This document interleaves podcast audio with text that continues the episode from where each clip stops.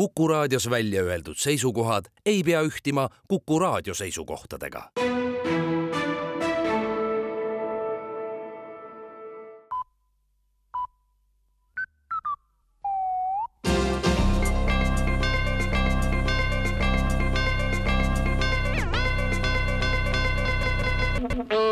uudistega eetris Rohke Develak valitsus annab teada, et on otsustanud korraldada referendumi, saamaks teada, kas jõuluvana on olemas või mitte. koalitsioonierakondadest on vaid Reformierakond seisukohal, et jõuluvana ei ole olemas. sotsid ja Eesti kakssada on jõuluvana olemasolus enam kui veendunud samuti on seda meelt teised parlamendierakonnad, kelledest nii mõnelgi on endal pikaajaline jõuluvana mängimise kogemus. kui referendumil kinnitab ka rahvas jõuluvana olemasolu, siis saab valitsus delegeerida jõuluvanale paljud eelarvelised väljakutsed ja muuta jõuluvanas kahtlemise kriminaalkorras karistatavaks ja positiivseid teateid. üle hulga aja sai Tallinn uue lasteaia ja selleks on Toompea lasteaed.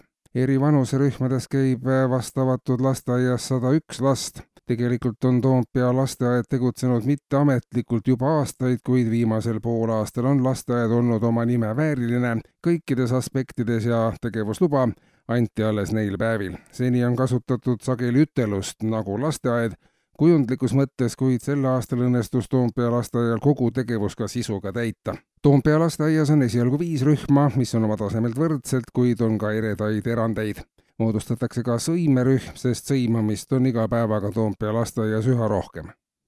keskkonnaministeerium aga annab teada, et prügi sorteerimine ja pakendite pesemine on tegevus, mida kindlasti peaks inimesed ja asutused edasi tegema vaatamata sellele, et sorteeritud prügi jõuab siiski suuremas osas prügimäele või ahju, mitte taaskasutusse. kui pakendid on kenasti pestud, siis jätab see järeltulevatele põlvedele meist mulje, et olime viisakad ja korrektsed inimesed. samuti ei ole pestud ja sorteeritud prügi prügimäel hoidmine lõplikult taaskasutusest loobumine, vaid annab taas järeltulevatele põlvedele võimaluse seda prügi kunagi taaskasutada, kui meie ise sellega veel toime ei tulnud, märgitakse ministeeriumi arengukavas majanduslikult kõige kasulikum on aga tegelemine ei tea millega, nii selgub Riigikontrolli viimasest uuringust. see on üheks kõige tulemuslikumaks tegevusalaks nii üksikisiku kui ettevõtte või organisatsiooni tasandil laiemalt. viimase näitena tuuakse Eesti Energiat, kellele on ei tea mille eest makstud miljoneid ja miljoneid eurosid toetust ja kes on selle investeerinud Ameerikasse ei tea kuhu ka töövõtjatena teenivad tihti kõige suuremat tulu need, kes ei tea, millega tegelevad. valitsus soovitab kõikidel tööotsijatel hakata ka ei tea, millega tegelema, sest see tagab tulevikus parema toimetuleku.